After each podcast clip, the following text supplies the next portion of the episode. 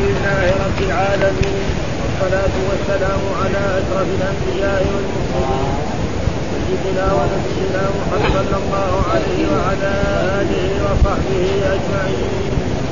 قال الإمام البخاري رحمه الله باب سكرات الموت قال حدثني محمد بن عبيد محمد بن عبيد بن قال حدثنا عيسى بن موسى عن عمر بن سعد قال أخبرني وزير يعني عندنا أقول عن عمر بن سعد بن سعيد.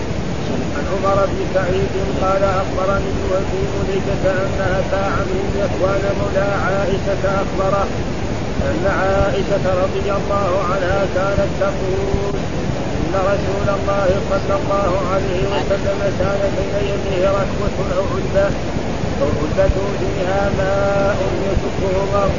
فجعل يدخل يده في الماء فيمسح بها وجهه ويقول لا إله إلا الله إن للموت سكرات ثم نصب يده فجعل يقول في الرفيق الاعلى حتى قبض ومالت يده.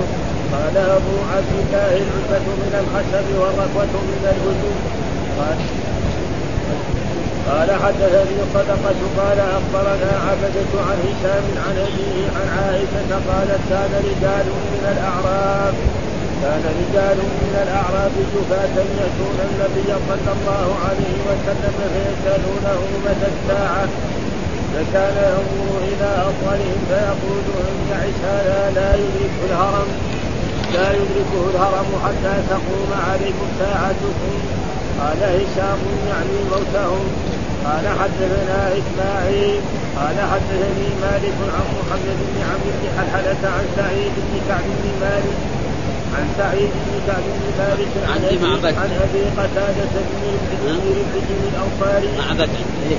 ها؟ إيه. معبد. هو إيه. إيه. ابن كعب. عن محمد بن عبد بن حلحلة عن معبد بن كعب بن مالك عن أبي قتادة بن الحجر الأنصاري. أنه كان يحدث أن رسول الله صلى الله عليه وسلم وقع عليه بجنازة فقال مستريح ومستراح. قالوا يا رسول الله ما المستريح والمستراح؟ قال العبد المؤمن يستريح من نصب الدنيا وألاها من نصب الدنيا وألاها إلى رحمة الله عز وجل. والعبد الفاجر يستريح منه العباد والبلاد والشجر والدواب. قال حدثنا مسدد قال حدثنا يحيى عن عبد ربه بن سعيد عن محمد بن عبد بن حلحلة. قال حدثني ابن كعب عن أبي قتادة عن النبي صلى الله عليه وسلم قال مستريح ومستراح منه المؤمن يستريح قال حدثنا الحميدي قال حدثنا سفيان قال حدثنا عبد الله بن بكر بن عمرو بن حزم سمع أنس بن مالك يقول قال رسول الله صلى الله عليه وسلم يتبع الميت ثلاثة يتبع الميت ثلاثة فيرجع اثنان ويبقى معه واحد يتبعه أهله وماله وعمله فيرجع أهله وماله ويبقى عمله. قال حدثنا أبو النعمان قال حدثنا حماد بن زيد عن أيوب عن نافع عن ابن عمر رضي الله عنهما قال قال رسول الله صلى الله عليه وسلم إذا مات أحدكم فرض عليه مقعده غدوة وعشيا إما النار وإما الجنة فيقال هذا مقعدك حتى تبعث إليه.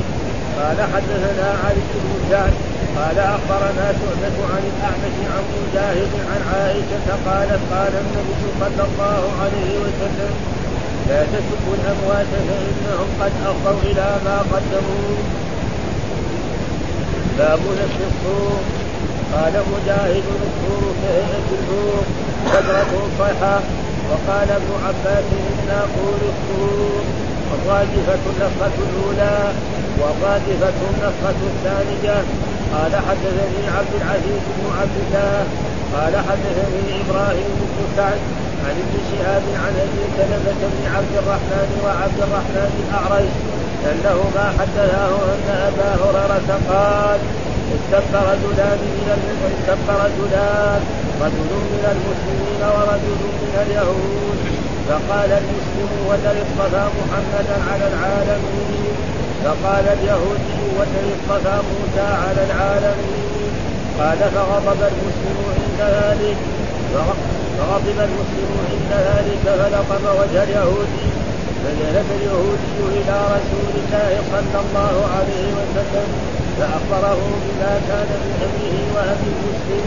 فقال رسول الله صلى الله عليه وسلم لا تحجروني على موسى. فإن الناس يصعقون يوم القيامة فأكون أول من يفيق فإذا موسى باطش بجانب العرش فلا أدري أكان موسى في من صعق فأفاق قبلي أو كان مما استثنى الله عز وجل.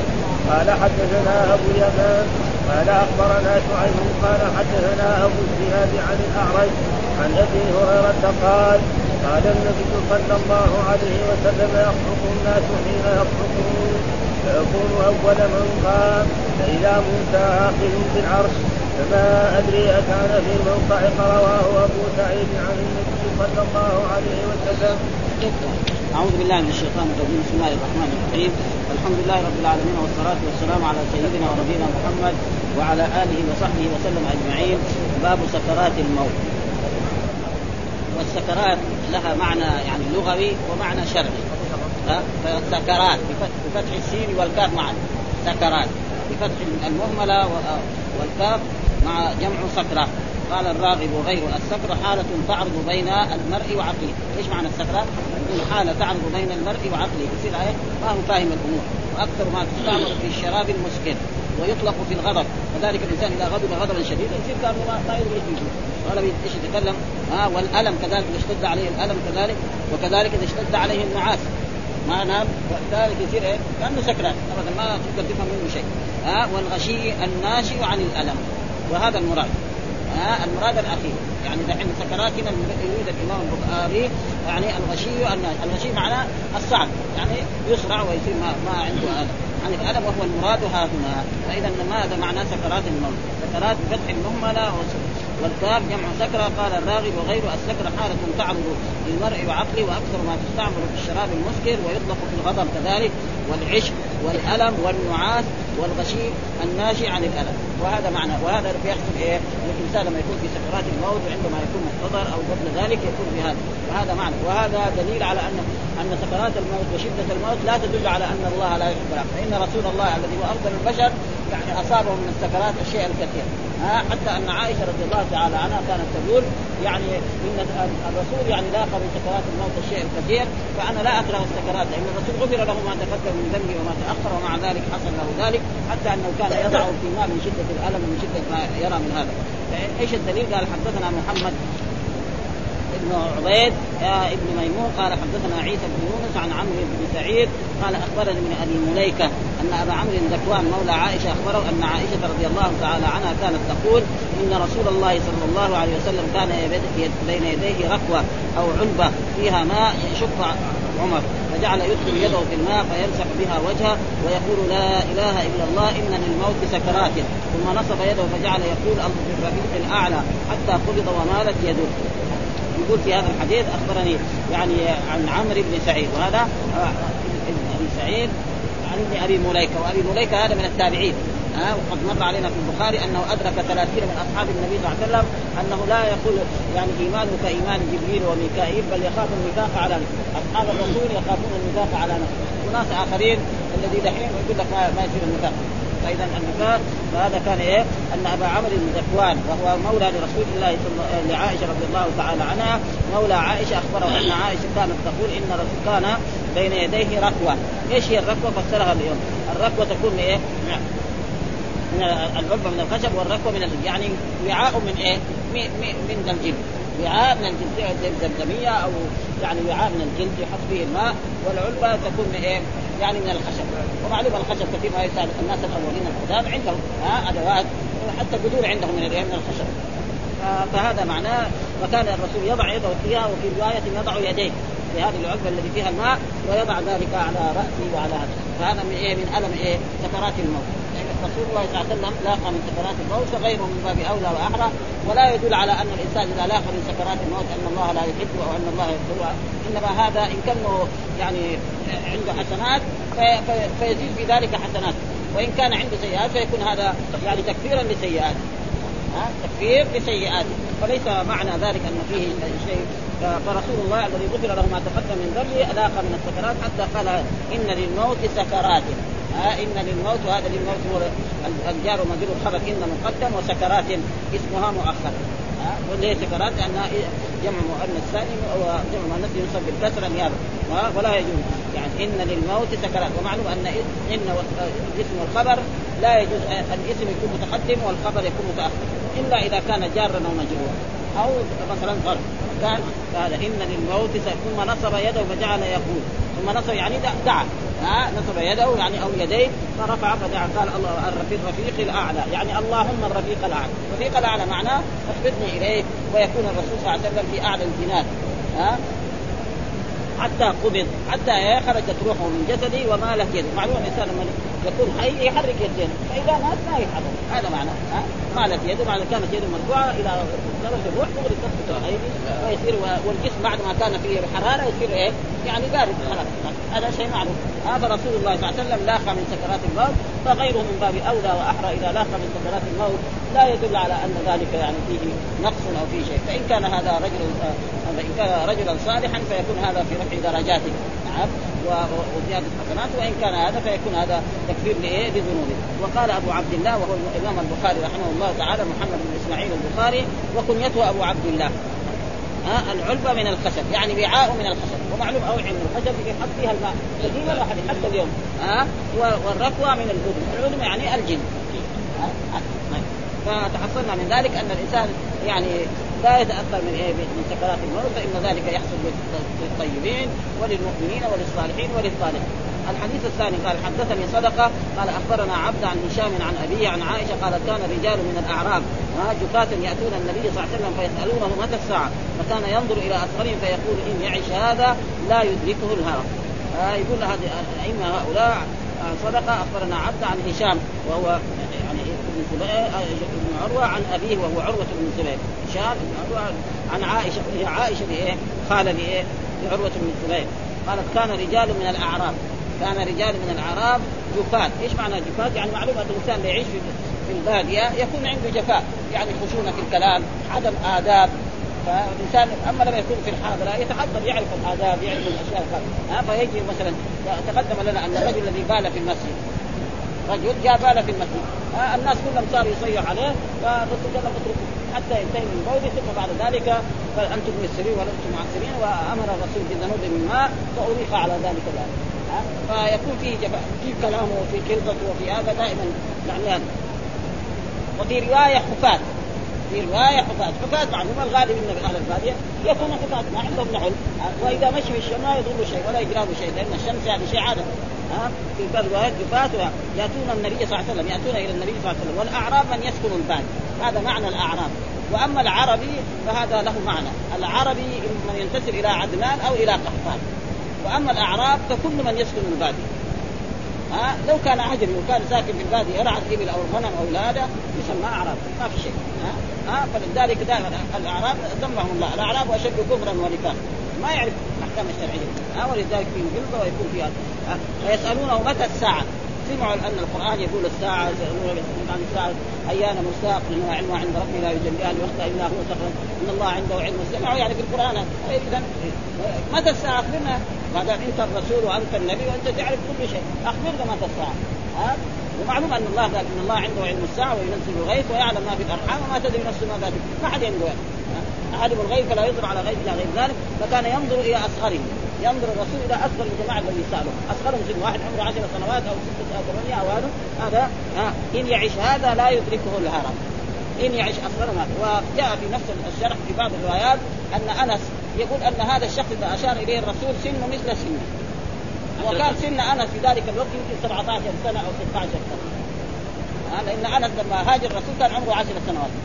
وجلس مع الرسول خدم الرسول 10 سنوات وتوفي الرسول ثم بعد ذلك عاد مدة طويلة ودعا له الرسول بأن يعني يكثر ماله وولده ويعني ويدخله الجنة. ويقول الاثنين رآها.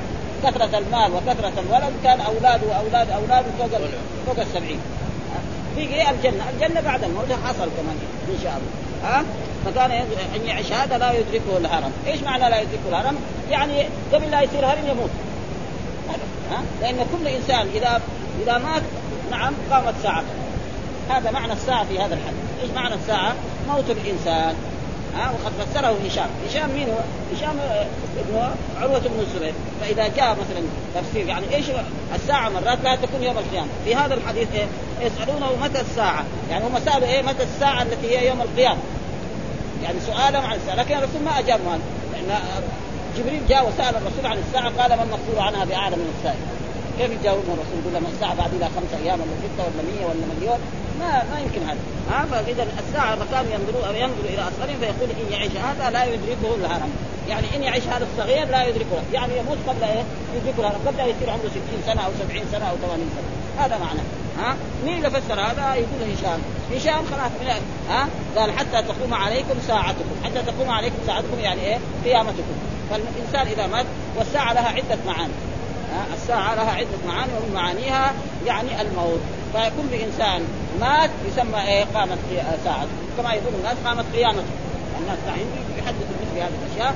فلأجل ذلك يعني الساعة لا يعلمها إلا الله. وهذا أسئلة من الأسئلة التي لا لا يصح للإنسان أن يسأل. ها ولذلك يا أيها الذين آمنوا لا تسألوا عن أشياء ان تبدل لكم تسؤكم فهذه أسئلة ما ما كان ينبغي. فإذا ما سألوا الرسول جاوبهم بهذا الجواب وهذا الجواب تقريبا يعني جوابه حق. ها وكل إنسان مات وقد قامت ساعته.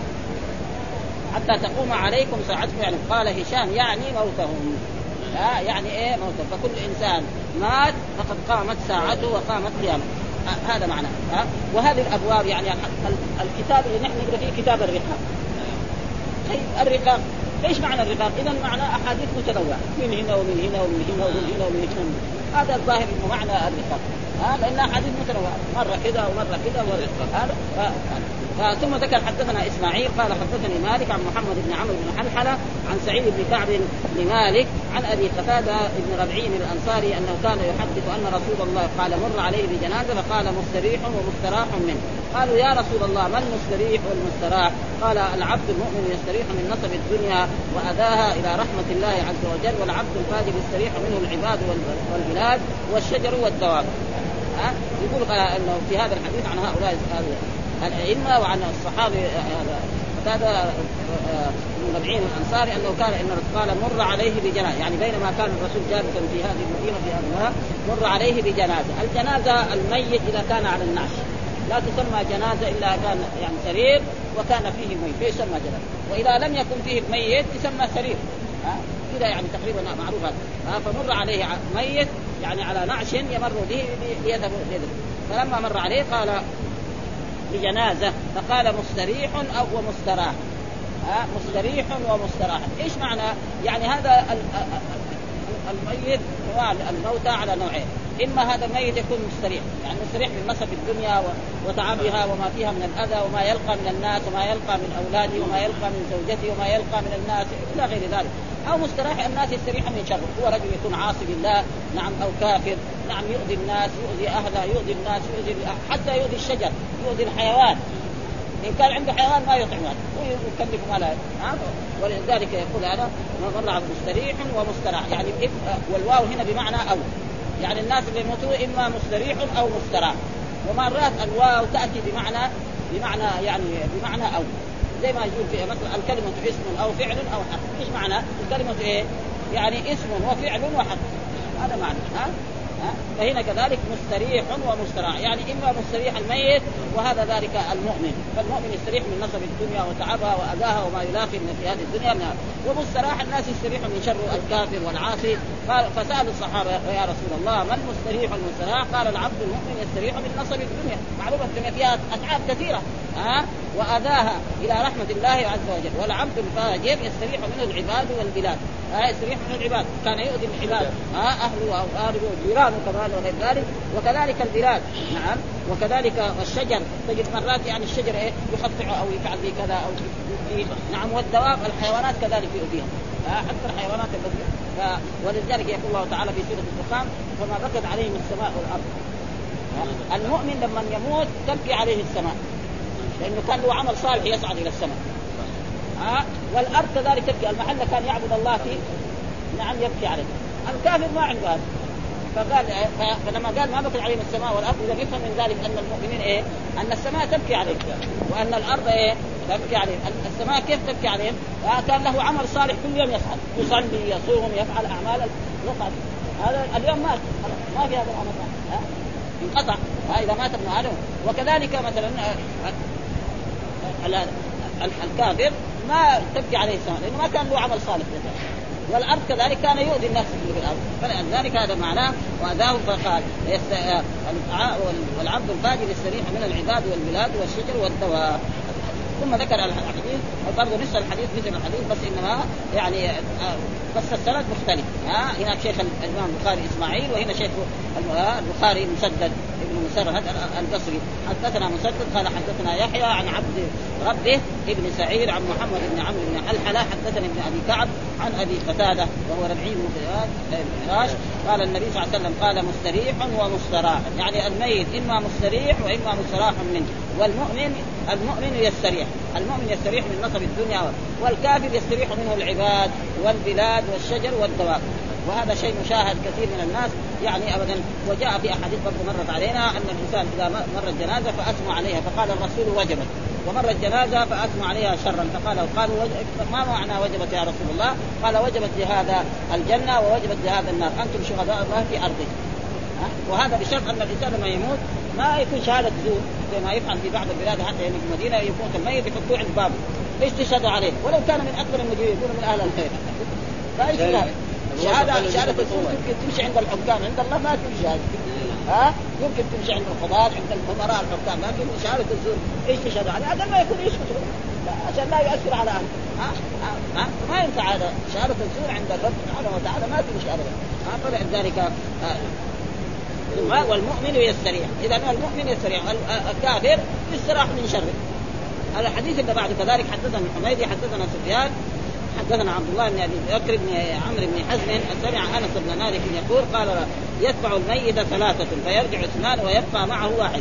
يتبعه أهله وماله وعمله. فيرجع أهله وماله ويبقى عمله. قال الرسول يتبع الميت إذا مات ثلاثة. الميت هذا مفعول وثلاثة هو الفاعل فيرجع اثنان ويبقى معه واحد. فيتبعه إيه؟ آه يعني ثلاثة. أهله الذي اقاربه ولده وابنه وعمه وخاله وجيرانه وماله كذلك. مثلا الناس كانوا يقول في العادة في الجاهلية بعد يركبوا على الحيوانات. الآن بعد الدحين الجنائز نشوف ناس يركبوا سيارات نفس الميت يحطوه في سيارة يجيبوه للبيت هذا شيء مشاهد وكذلك في الزمن السابق كانوا بعض العرب وبعض الناس يعني يركبوا على على الإبل أو على الخيل أو على الحمير حتى يأتوا إلى المقبرة ويدخلوا الميت. ف... ويكون هذه الحيوانات هذه إيه؟ يعني من مال إيه؟ الميت. فيتبعه ماله. وهناك ميت لا يتبعه الا يعني إلا أهله. يعني في ميت ما عنده شيء من الدنيا. فإذا يعني مو كل ميت لازم يتبعه ماله وأهله. الميت يموت ما عنده ولا خمسة فلوس وفي ناس عنده ملايين. ها؟ فيتبعوا يعني السياره تتبع الفلوس قاعدة هناك في محلها ما تتحرك. ابدا ها؟ فهذا معناه يتبعه يعني ماله واهله مثلا يتبعه مثلا السيارة حقته اذا كان يركبها يركب فيها بعض أقاربه فتروح معهم إلى المقبرة. هذا معناه ها؟ ويركب خيله أو فرسه أو غير ذلك من هذه الأشياء. ها؟ وعمله ويرجع أهله وماله ها؟ بعد ما يدفن يرجع الأهل والمال. ويبقى العمل. وجاء في حديث مرت علينا أنه ياتيه الميت هذا ياتيه رجل طيب الثياب طيب المظهر فيقول أنا عملك الصالح فيؤنسه في قبره. والآخر ياتيه عمل يعني شخص يعني سيء المنظر ويقول أنا عملك السيء. فلأجل ذلك ويبقى عمله. برضه حدثنا أبو النعمان حدثنا حماد بن زيد عن أيوب عن نافع عن ابن عمر رضي الله عنهما قال قال اذا مات أحدكم عرض عليه مقعده غدوه وعشيره ها أما إما النار وإما الجنة. فيقول هذا مقعدك حتى تبعث. كذلك إذا مات أحدكم يعني أي واحد عرض عليه مقعده غدوة وعشية. غدوة يعني في أول النهار وعشية. والقرآن ذكر عن آل فرعون النار يعرضون عليها غدوا وعشية ويوم تقوم الساعة أدخلوا آل فرعون أشد العذاب. نص القرآن يتطابق مع إيه مع الحديث النبوي تماما. النار يعرضون. يعرضون على غدوة يعني يعرض إيه؟ طيب يعرض على الجسم ولا على على الروح في الغالب؟ لأن الأجساد كثيرا ما تفنى في, في الأرض. ها الأرض تأكل فايش اللي يعرض؟ إذا الروح الروح قد محفوظة. ما جرى لها شيء. ها كما يقول أن الروح إما تكون في علين وإما في سجين. محفوظ الروح ما جرى لها ثم بعد ذلك يوم القيامة تعود الأرواح إلى الأجسام. فهذا معناه يعرض عليه مقعده. فيقول هذا مقعدك آه ما دام صالح في الجنة. وهذا العاصي مقعده وهذا قد يكون للمؤمن وللعاصي كمان. أما النار وإما الجنة فيقال هذا مقعدك حتى تبعث. ثم بعد ذلك يوم القيامة لما يبعث نعم يرجع ترجع الروح إلى الجسد ويدخل إما الجنة وإما النار. والآية تصدق ذلك النار يعرضون عليها غدوا وعشيا ويوم تقوم الساعة أدخلوا آل فرعون أشد العذاب. ومعلوم فرعون كان من الدجالين الكبار ها؟ يقول أنا ربكم الأعلى ما علمت لكم من إله غيري. كذاب فلذلك لما غرق في البحر يعني قال آمنت بالذي آمنت به بنو إسرائيل وأنا من المسلمين الآن وقد عصيت قبل وكنت من المسلمين فاليوم ننجيك ببدنك لتكون لمن خلفك آية فان كثيرا من الناس عن آياتنا لغافلون وكثير الدجالين هكذا دائما يعني مثل كذلك هارون وغير ذلك كلهم هذا مقعدك حتى تبعث ثم ذكر حدثنا علي بن الجعد قال أخبرنا شعبة عن الأعمش عن مجاهد عن عائشة قالت قال النبي صلى الله عليه وسلم لا تسبوا الأموال فإنهم قد افضوا إلى ما قدموا. لا تسبوا الأموات. هذا في حديث عن رسول لا تسبوا الأموات. يعني نهى المؤمنين أن يسبوا الأموات الذين ماتوا. ها فلا يجوز لمسلم أن يسب مسلما قد مات ولا الكافر.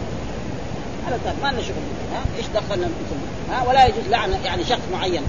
دائما القرآن كله لعنة الله على الكاذبين. اما لعنه على فلان محمد خالد بكر محمود هذا ما في القرآن كله. ولا في الاحاديث النبويه إلا في أحاديث مثل إيه؟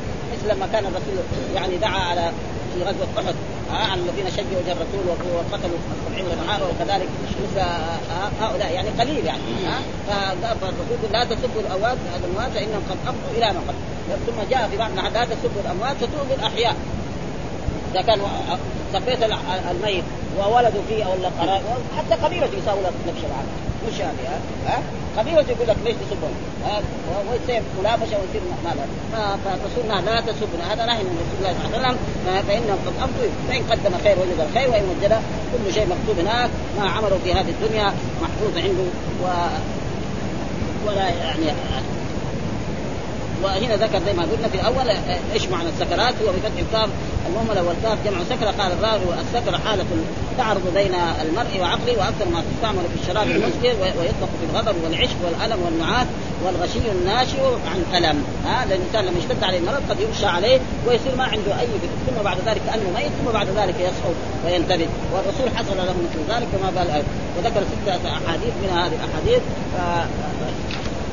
وهذاك يقول تقدم يعني ما يحتاج.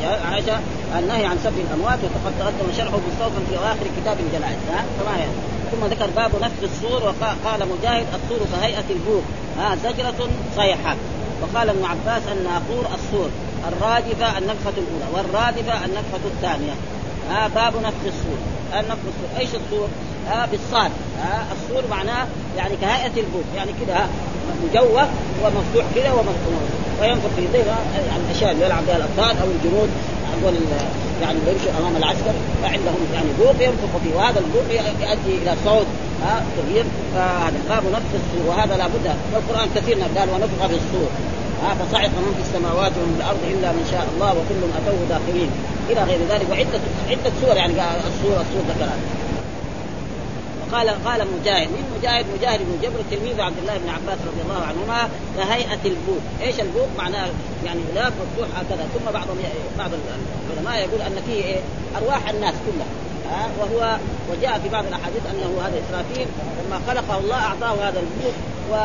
ولذلك جاء في أحاديث يقول كيف أنعم وصاحب السور ملتقم سوره ينتظر متى يعني يؤمر بالنفس. يعني ما كيف ينعم في الدنيا الرسول؟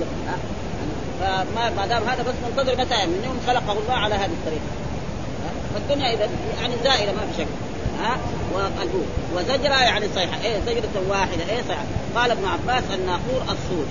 فإذا نقر في الناقور فذلك يومئذ يوم عسير على الكافرين غير يسير ذرني ومن خلقته وقد مر عن رجل من أصحاب النبي صلى الله عليه وسلم من يعني سند أنه قرأ في يوم من الأيام سورة المدثر.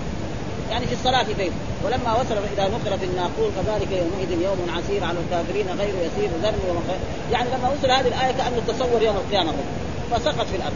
رفعوه ميت. ها؟ فوق الله يعني أبدا يعني. والرادفة النفخة الثانية. اصبعها الرادفة. فإذا إذا نفخ النفخة الأولى مات الناس جميعا. خلاص ولا يبقى ولا أحد. حتى أن الله جاء في بعض الأحاديث الله يقول لمن الملك اليوم؟ نعم فلا يجيب أحد يعني ويقول لله الواحد القهار. وهذا يبقى اسمه إيه؟ الدائم والباقي لأن من أسمائه الدائم. واحد يقول دا أدامك الله. يدعى للأمير ولا للملك ولا للحاكم. طيب ادامه الله. بس يعيش يعيش المده ويروح أبقاه الله. ما يمكن هذا أبقاه الله. أطال الله عمره هذا يمكن. يطول عمره ما كان 100 يصير 550 110 يعني لكن ابقاه الله هذا يعني ابدا ما لابد ما في احد يبقى ها ولذلك قال ويبقى وجه ربك ذو الجلال والاكرام وشيء هالك الا وجه والرادفه النفخه الثانية فلأجل ذلك واذا جاء ابن عباس فسر شيء ما يحتاج على تيجي عالم يفسر لأنه حبر الامه وترجمان القران ولا يلزم من ذلك أن ابن عباس رضي الله تعالى عنه كل ما قاله يعني صح. فإن في كثير أشياء يعني الصحابة يخالفونها مع أنه علمه هو اخذ من أصحاب الرسول صلى الله عليه وسلم. يعني ما لأنه توفي الرسول عمره يمكن 13 سنة أو 12 سنة. فهو كان يعني ذاك الوقت أحسن من كثير من من الكبار. ها؟ ابدا. لكن فعلمه اخذ من إيه؟ من أصحاب الرسول فكان يتعلم من أصحاب الرسول يقابل مثل يعني أبي بن كعب و و كذلك الصحابه الأنصار يتعلم منه حتى أنهم كانوا يعني يحترم بعضهم بعضا. هو يقبل أيديهم وهم يقبلوا أيديهم. هم يقولوا لي انت شيء يعني انت من آل رسول الله. وهو بصيغه انه عالم علماء فهذا ما فيه ثم قال حدثنا عبد العزيز بن عبد الله قال حدثني إبراهيم بن سعد عن ابن شهاب عن أبي سلمة بن عبد الرحمن وعبد الرحمن الأعرج أنه أن أبا هريرة قال استب رجلان. يعني استب رجلان معناها هذا سب وهذا سب هذا معنى استب رجلان. زي ما تضارب هو أصله كان دائما استب رجلان يعني في دائما في أفعال ما تقع إلا من اثنين. مثل إيه تضارب وضارب محمد خالدا وشارك علي محمود. ما يمكن شارك محمد بيسكت ما يصير. ها لابد اثنين. ها كذلك تضارب. ها كذلك الجماع وغير ذلك لابد يكون الاثنين فهنا استب رجلان. ها يعني هذا سب هذا رجل من المسلمين ورجل من اليهود. فقال المسلم والذي اصطفى محمدا على العالمين. اصطفى معناه اختار. يعني أقسم بالله الذي اصطفى محمد على العالمين على جميع العالمين. ومن جملة العالمين اليهود والنصارى. وكذلك العرب وكذلك العجم. فاليهودي لا يقول لا ما يصير. الذي اصطفى إيه؟ موسى على العالمين والقرآن ذكر. نعم عن في بني إسرائيل فضلناهم على العالمين. على العالمين كل العالم لا يصير. كل مين؟ عالمي زماني فبنو إسرائيل أفضل عالمي زماني أما هذه الأمة فهي أفضل من إيه؟ من بني إسرائيل. أمة الرسول صلى الله عليه وسلم أفضل من إيه؟ بني إسرائيل. هذا هو صحيح. فهذا يعني ضرب الآخر والذي اصطفى محمد وقال والذي اصطفى موسى على العالمين. ومعلوم العالمين يعني دائما يعني كثير من الناس يقولوا إيه العالمين يعني العالم مفرده عالم. ونحن سمعنا من مشايخنا أن عالمين هذا جمع للعقلاء. آه للعقلاء. والعقلاء الإنس والجن والملائكة. في بعضهم يقول مثلا رب العالمين يعني مفرده عالم. آه لا. آه عالمين هذا وضع كذا مجموع. زي إيه تسميه مثلا ملحق بجمع المذكر السالم لأنه ما له مفرد لأن العالم كله ما سوى الله. والعالمين يدخل العقلاء وهذا مثال عشان نقرب هذا المعنى مثال لذلك. لو قلنا أن فلان يملك مثلا يعني بعض العملاء الموجودة. يعني يملك مثلا آه، يعني أبو خمسين أواد. فإذا اللي يكون أحسن منه يكون أولى وأحرى أن يملك. ها مثلا واحد الآن يملك يملك أوراق نقدية. فيكون يمكن الذهب اغلى منه. أو الدولار اغنى منه فإذا كان الله رب العالمين رب العقلاء والإنس والجن والملائكة فيكون رب إيه؟ الدواب والابل والبقر والغنم وغير ذلك وغير ذلك. من باب أولى وأحرى. هذا معناه رب العالمين. ف و و وبنو إسرائيل أفضل عالم زمانه. هذا الصحيح. أما كونهم أفضل على هذه الأمة لا. فهذه الأمة هي آخر الأمم ولكن هي أفضل إيه؟ الأمم. وأول من يدخل الجنة من هذه الأمم. هي آخر الأمم وهي أفضل من يدخل الجنة من هذه الأمم. ها فغضب المسلم عند ذلك فلطم وجه اليهودي. يعني ضربوا على وجهه فذهب اليهودي إلى رسول الله فأخبره بما كان من أمره وامر فقال رسول الله لا تخيروني على موسى. يعني لا تفضلوني على موسى. ها نهى الرسول أن يفضل على موسى. ولكن هذا ظاهر تواضع من رسول الله صلى الله عليه وسلم أو قبل أن يعلم الرسول أنه أفضل من جميع الأنبياء. هذا هو الجمع بين هذا. ها فهذا دليل على أنه ثم ثبت عندنا في الأحاديث الصحيحة أن الرسول محمد أفضل إيه؟ أفضل الأنبياء جميعا. وأفضل كذلك من اولي العزم. أن اولي العزم أفضل من الأنبياء. واولي العزم إيه؟ نعم. إذا اخذ من النبيين ميثاقه ومنك من نوح وإبراهيم وموسى وعيسى ها فهؤلاء من أفضلهم؟ ها الرسول محمد صلى الله عليه وسلم. فإذا بعد ذلك. أو تواضع. وجاء في بعض الأحاديث أن بعض قال لا تفضلوني على إيه؟ يونس بن متى؟ مر علينا كذا يعني حديث بهذا. لا تفضلون على يونس بن متى. ف... ف... ولكن مع ذلك ثبت في أحاديث صحيحة أن الرسول أفضل الأنبياء وأفضل الرسل على الإطلاق وأنه لا أفضل منه ويكفي ذلك أنه أعطي الشفاعة العظمى آه ثم بعد ذلك آه فإن الناس يصعقون يوم القيامة فأكون أول من يفيق، يعني الناس يصعقون لما يأمر إسرافيل ينفخ الصور يموت الناس جميعا وما يبقى ولا أحد. فأكون أول يعني في إيه؟ في النفخه الثانية. ها فإذا موسى باطش باطش بجانب العرش. يعني ماسك بجانب العرش فلا أدري يعني أكان موسى في من صعق فأفاق قبلي أو كان ممن استثنى الله. لأنه قال صعق من في السماوات ومن في الأرض إلا من شاء الله. آية كده. ها؟ فصعق من في السماوات ومن في الأرض يعني صعق من في السماوات كلهم. وإلا من شاء مين من شاء الله؟ بعضهم قال الأنبياء بعضهم قال الرسل بعضهم قال أولو العزم من الرسل بعضهم قال الشهداء. على كل حال بعضهم قال يعني جبريل وميكائيل وإسرافيل وملك الموت. ثم بعد ذلك ملك الموت يقبض جبريل وميكائيل وإسرافيل كمان ويروح كمان ويبقى بعد ذلك الرب كذلك يميته هو كذلك ولا يبقى أحد.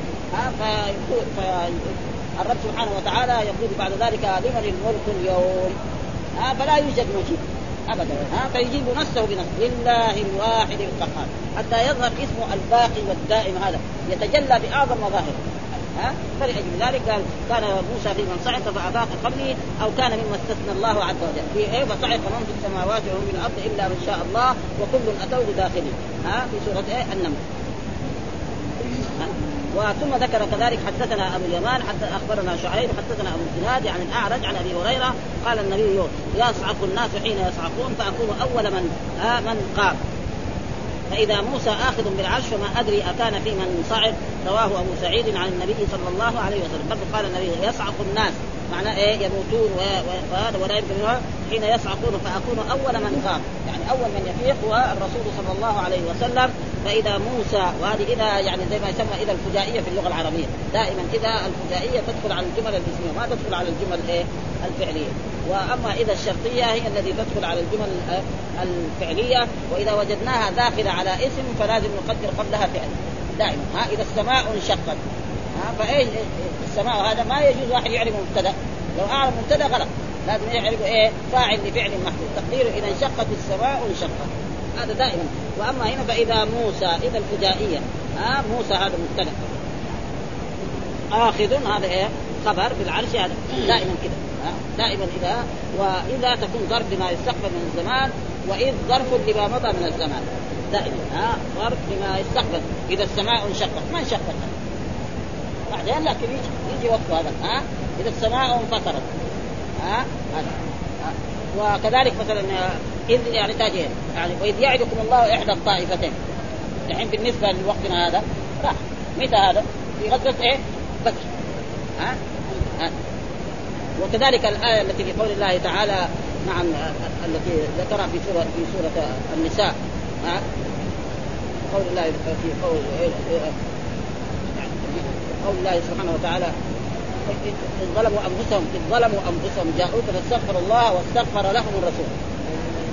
يعني كثير من الناس الآن بيظن كذلك يعني حتى في كتب الزيارة مكتوبة هذه كتب الزيارات مكتوبة ظلموا أنفسهم إذ ظلموا أنفسهم. يعني في عهد الرسول أي واحد يرتكب ذنب أو كبيرة يجي للرسول فيقول يا رسول أنا أذنبت وفعلت كذا فاستغفر لي لكن بعد وفاته ما ثبت هذا.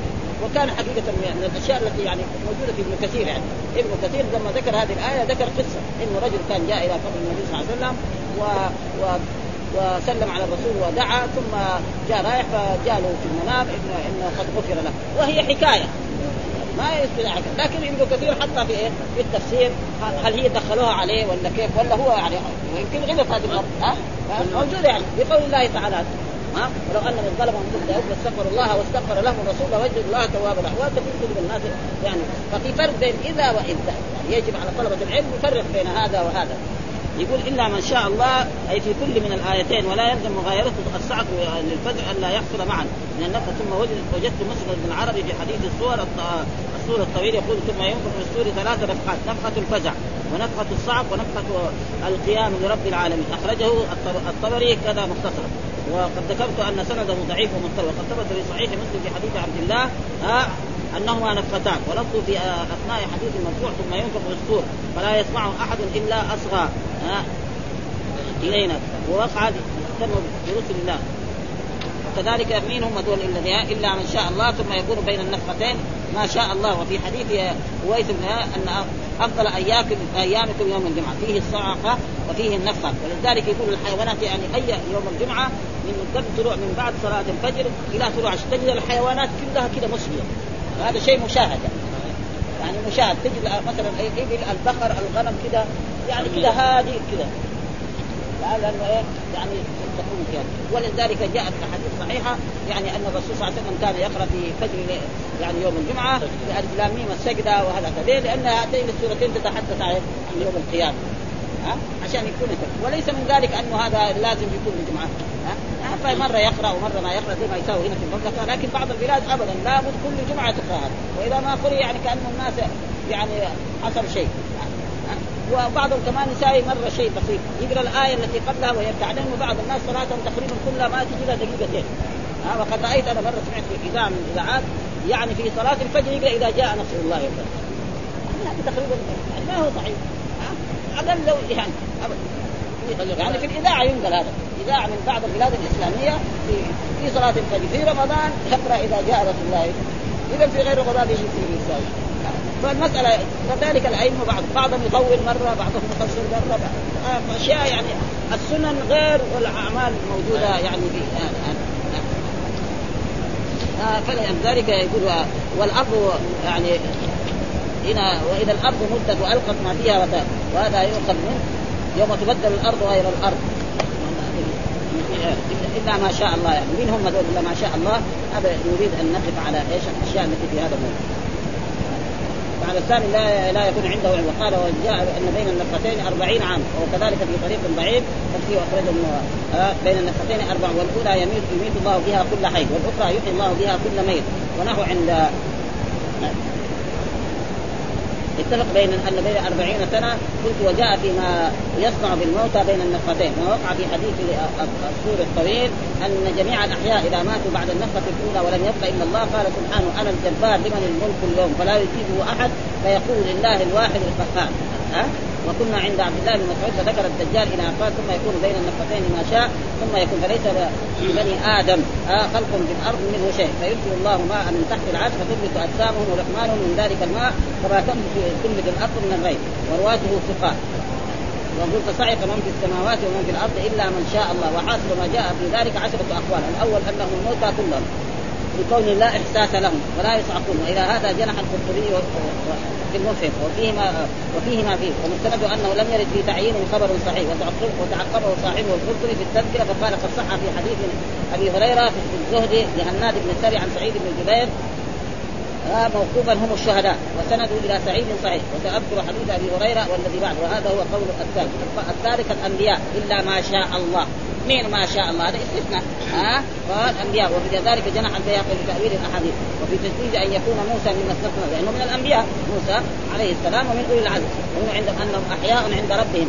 ووجه, أن عندي أنهم أحياء عند ربهم كالشهداء. فإذا نفخ في الصور نفخ صعقوا ثم لا يكون ذلك موتا في جميع معانيه إلا في ذهاب الاستشعار. وقد جوز النبي أن يكون موسى مما استثنى الله. فإن كان منهم فإنه لا يذهب استشعاره في تلك الحال بسبب ما وقع في إيه؟ صعقة ثم ذكر أثر سعيد بن جبير في الشهداء. في حديث أبي هريرة أنه سأل جبريل عن هذه الآية من الذين لم يشاء الله أن يسعقوا قال هم شهداء الله عز وجل. صحاه الحاكم ورواده والصفات ورجحه الطبري الرابع قال يحيى بن سلام في تفسيره بلغني أنه آخر من يبقى جبريل وميكائيل وإسرافيل وملك ثم يموت الثلاث ثم يقول الله آه لملك الموت مت فيموت. قلت وجاء في نحو هذا في مثل فكان مما استثنى الله ثلاثة جبريل وميكائيل وملك الموت والحديث آه الحديث وسنده ضعيف. وعلى كل حال يعني مثل هذه الأشياء الملائكة ارواح لا أرواح فيها فلا يموتون أصلا. وعلى هذا الحمد لله رب العالمين وصلى الله وسلم على نبينا محمد وعلى آله وصحبه وسلم.